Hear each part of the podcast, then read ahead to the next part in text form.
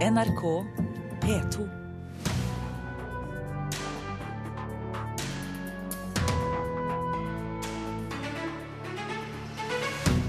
Mange etterlatte ønsker å bruke dikt i dødsannonsen, men få vet at lyrikken kan være beskyttet av opphavsrett. Regjeringen forstår ikke krisen i Medie-Norge, sier Arbeiderpartiets Arild Grande. Høyre forsvarer kuttene i pressestøtten.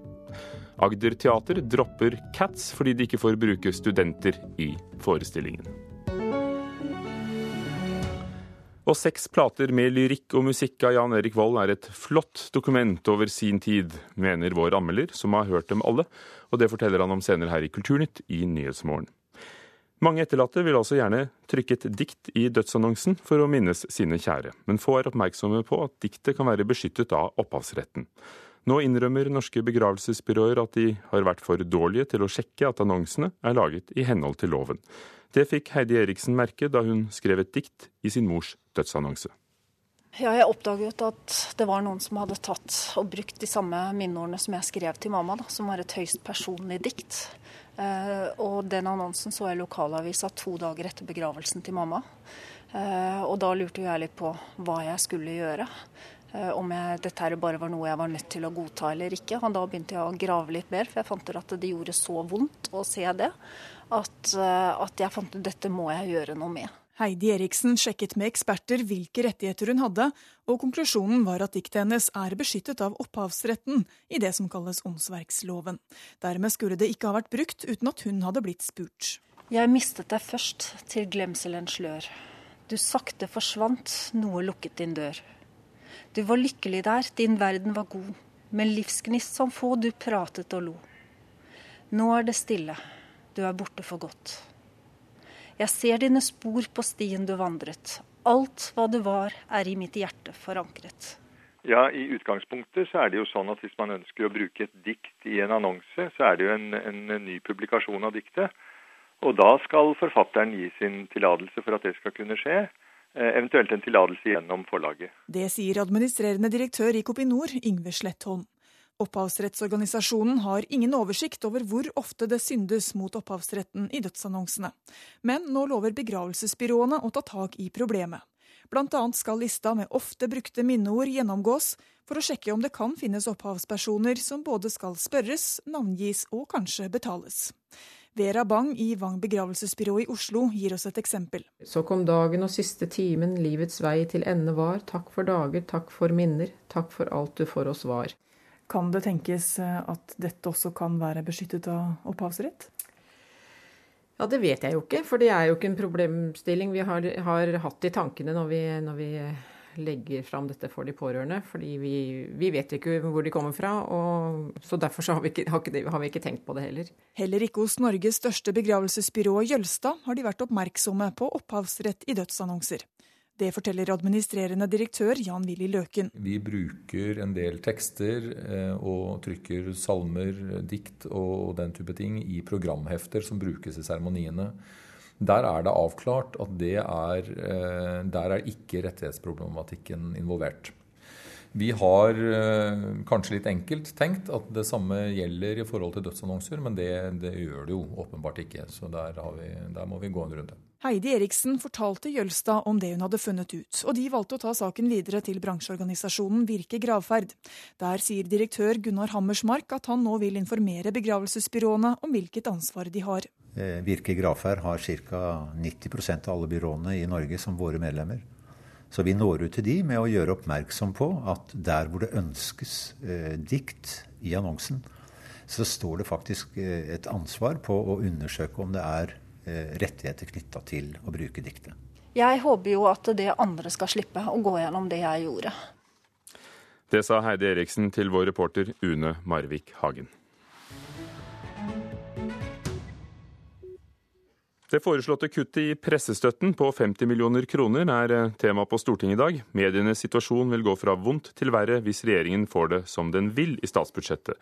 Det tror Arbeiderpartiets Arild Grande, som tar opp pressestøtten i en interpellasjon til kulturministeren i nettopp Stortinget i dag. Og dagens mediemarked må kunne forandre seg, sier du, stortingsrepresentant for Høyre, Korstein Eidem Løvaas. På hvilken måte mener du at mediemarkedet må forandre seg? Eh, samfunnet rundt oss er i rask endring. Vi liker å si at eh, nå går det fort, men når det gjelder medieverden rundt oss nå, så går det hyperfort. Og eh, det planlegges ofte bare for måneder fremover i stedet for år, for man vet ikke hva som er det neste store innenfor teknologisk utvikling, eller hva som er den neste store utfordringen innenfor abonnementer, eller hva folk ønsker å bruke, eller hvordan folk publiserer seg selv. Og I den virkeligheten så tror vi i Høyre at det er galt å ha en ordning som er konserverende. For den pressestøtteordningen vi har i dag, den, den har intet annet formål enn å konservere eh, øyeblikksbildet slik det er akkurat nå, og det tror vi ikke er moderne nok. Arild Grande, medlem av familie- og kulturkomiteen på Stortinget for Arbeiderpartiet, der også Karsten Løvaas sitter.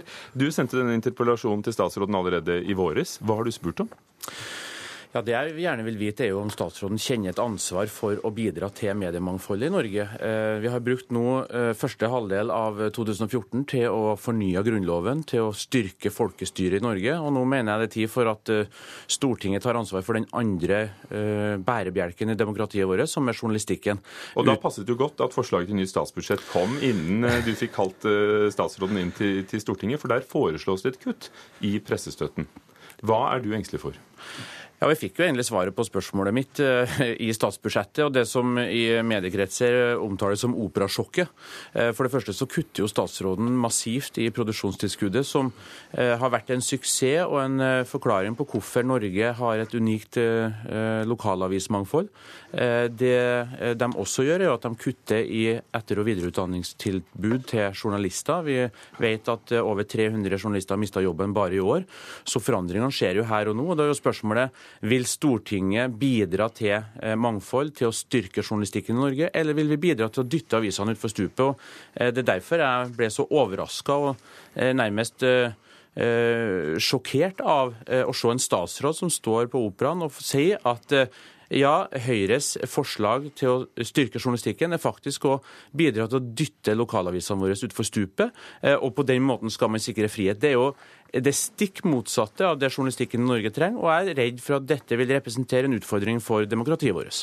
Og Nå er jo ikke statsråden her, men, men det er jo du, Korstein Løvaas, fra, fra samme parti. Hvorfor kutter dere i støtten til uh, avisene på neste års budsjett? Det er store, store ord eh, fra, fra, Grande. Jeg skal komme tilbake igjen til dem. Men eh, poenget her er jo eh, for det første, som jeg sa innledningsvis, at dette er et marked som er i stor endring. og det jo, Dette må ses i sammenheng. Det gjøres grep innenfor momsen, hvor man skal ha en felles lav moms uavhengig om avisen kommer ut digitalt eller på papir.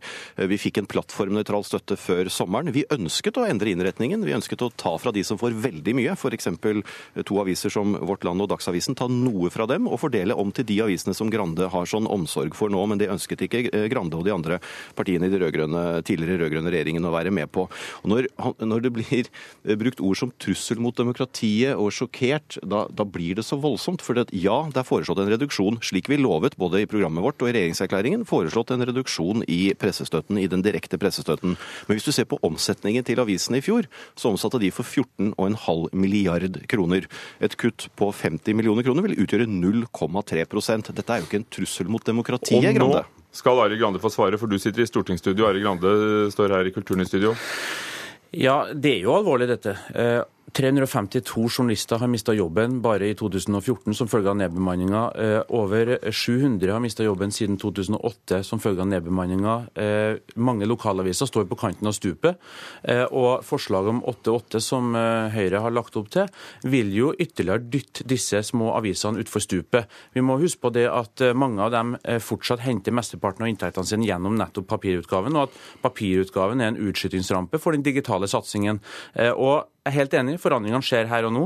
Vi har norske medier som er i verdensklasse. Vi, bare forrige uke så vant norske eh, medieaktører internasjonale priser, og det gjelder også lokalavisbransjen.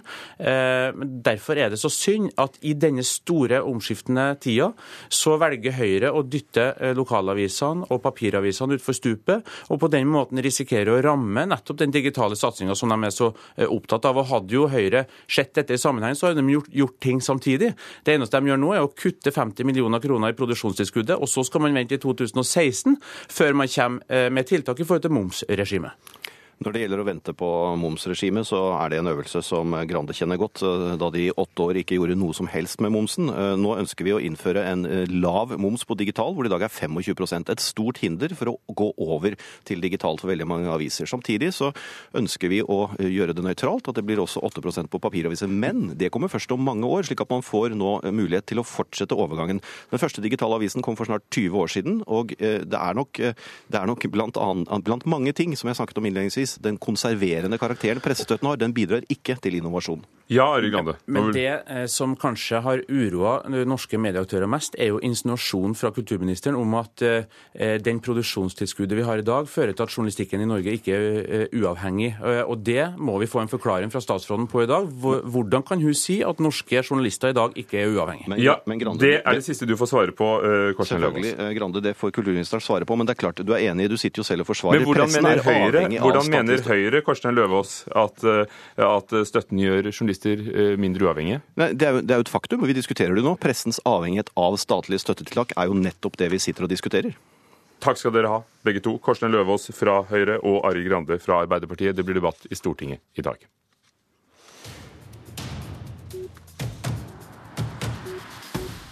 Fra neste år er det opp til Filmtilsynet hvordan det vil fordele penger til film og TV-spill. Støtten til TV-spill har vokst i fem år, og gründeren bak Spill-Norges nye storsatsing, Drømmefall, håper denne støtten vil fortsette å vokse. Og her kan vi da gjøre mange forskjellige ting, som å bevege figuren. Eh, vi kan få figuren til å gå, vi kan eh, gi ansiktsuttrykk. Kan få en til å prate og gape og gjøre alt mulig. Ragnar Tørnquist og hans team av spillutviklere ferdigstiller i disse dager Drømmefall-kapitler Den lengste reisen, som er det nyeste spillet i den norskutviklede Drømmefall-serien. Spillet fikk 4,5 millioner kroner i støtte fra Filminstituttet, den høyeste bevilgningen til et norsk spill gjennom tidene. Av de 415 millionene Filminstituttet delte ut i 2014, gikk 20 millioner til spillbransjen. Tørnquist håper veksten vi har sett de siste årene, fortsetter. Film og TV får jo veldig mye mer, fordi de er mer etablerte.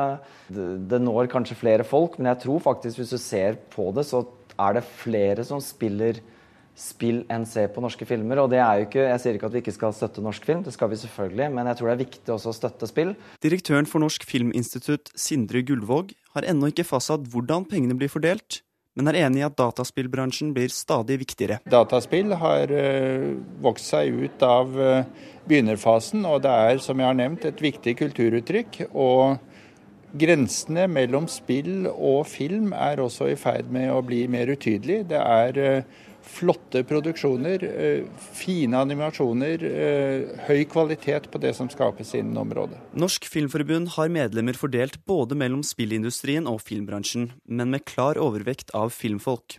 Leder Sverre Pedersen ser gjerne at støtten til spillbransjen fortsetter å vokse, men vil ikke at det skal gå på bekostning av andre områder. Utgangspunktet vårt er jo at eh, vi selvfølgelig ønsker økt satsing på hele feltet vårt.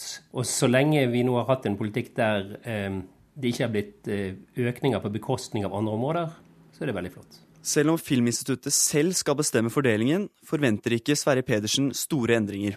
Eh, jeg tror nok at også instituttet nå avventer hva som kommer i filmmeldingen neste vår, og at dermed så vil man eh, være relativt konservativ i den forvaltningen av midlene i 2015. Lederen for Produsentforeningen, Leif Holst Jensen, tror heller ikke at vi får se noen særlige endringer i fordelingen neste år, men at det heller kommer endringer i 2016.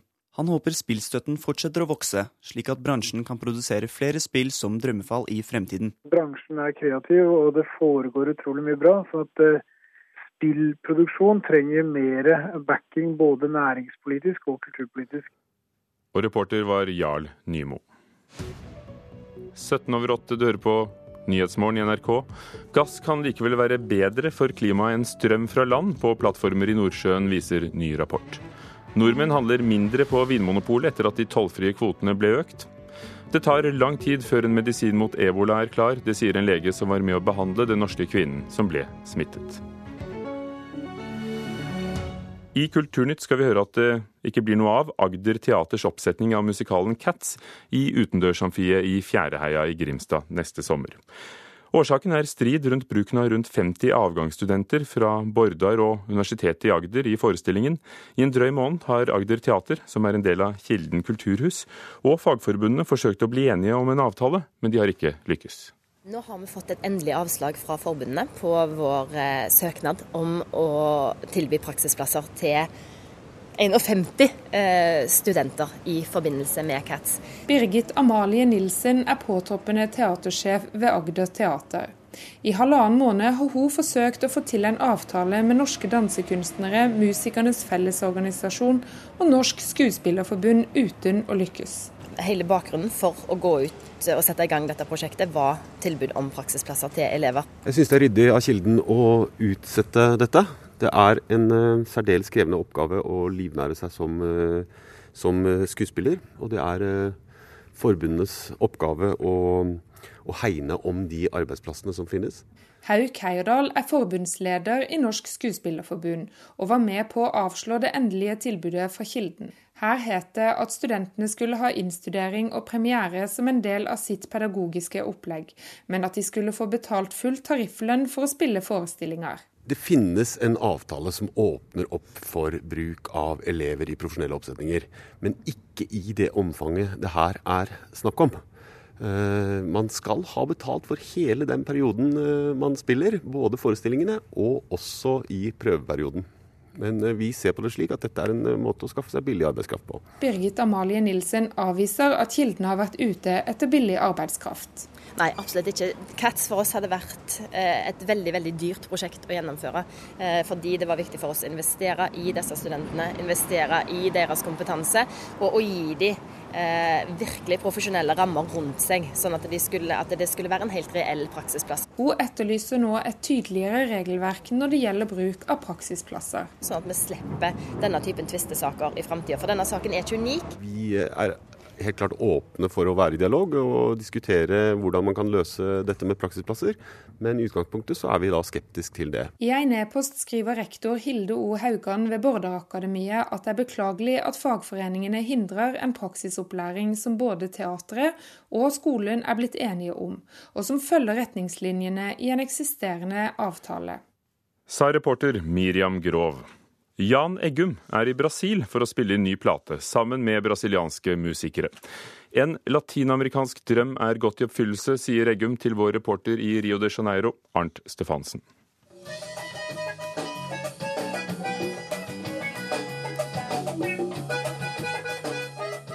Opptak til Jan Eggums nye plate strømmer ut fra fete høyttalere i Compania dos Technicos et lydstudio her i Rio de Janeiro. Og hun ser seg rundt, men nå skyter kanskje noen lyn. Og han synes hun og hun i skjørtet er fantastisk. Jan Eggum er i Latin-Amerika for første gang, og det er en reise han har tenkt på lenge. Jeg har et sterkt forhold til latinamerikansk musikk, og jeg følte at nå var tiden inne for å gjøre et slikt prosjekt sier han. Jeg har lovet meg sjøl at når jeg passerte 60, så kunne jeg gjøre akkurat hva jeg ville. og Det er på, på, opp til flere plan. og Det, det betyr at dette er, det er, et ledd i det, egentlig. At jeg, jeg, mener jeg, jeg, er såpass moden og har, har råd til å, til å gjøre noe helt annet.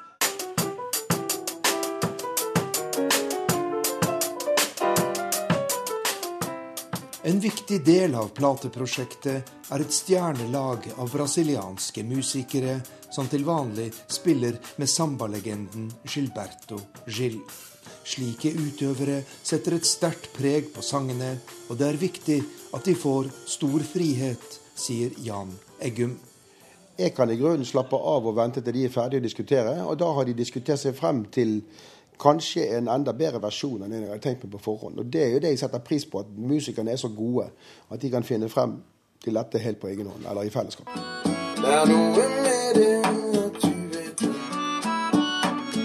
at din makt over menn er stor.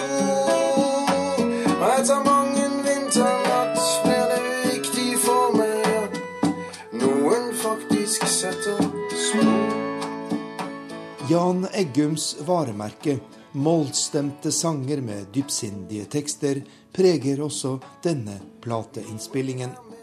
Men de latinamerikanske rytmene er noe nytt. Hvordan vil trofaste fans reagere på det? Altså Mitt kjernepublikum de, de spiser alt jeg serverer, så det, jeg tror ikke det blir noe problem. Men, det, men, folk vil jo kanskje måtte høre litt på det og tenke at dette, her er det for mye dans, og Eggum danser jo ikke. Sånn at jeg vil nok kanskje få, et, få en liten longør hvor folk må tenke seg litt om. Du er blitt effektiv med ungene.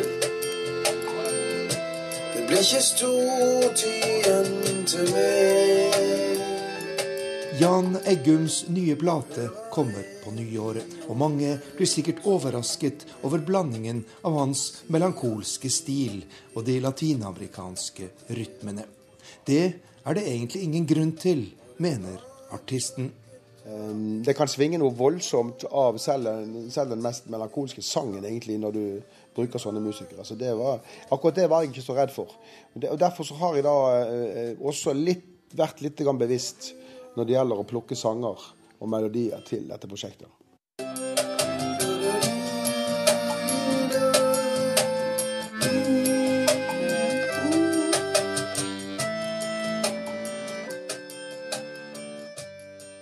Fra Jan Eggums neste plate under innspilling i Rio.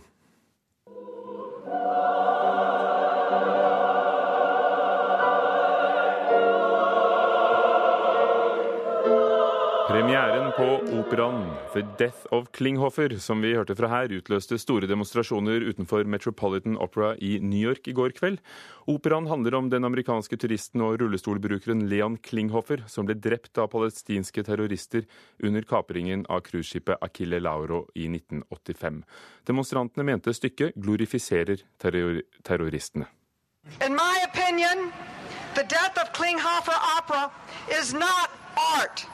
It is terrorist propaganda masquerading as art. Dette, sa, dette, er terroristpropaganda, sa kongressrepresentanten Carolyn Maloney, og til slutt ble demonstrantene bortvist fra operaens område. Moteskaper Oscar de la Renta er død, 82 år gammel. De la Renta slo igjennom som en av Jackie Kennedys designere, og åpnet sitt eget motehus i 1965. Siden har han laget kjoler for de fleste av USAs førstedamer og en rekke Hollywood-kjendiser. Motehuset omsetter i dag for 150 millioner dollar i året.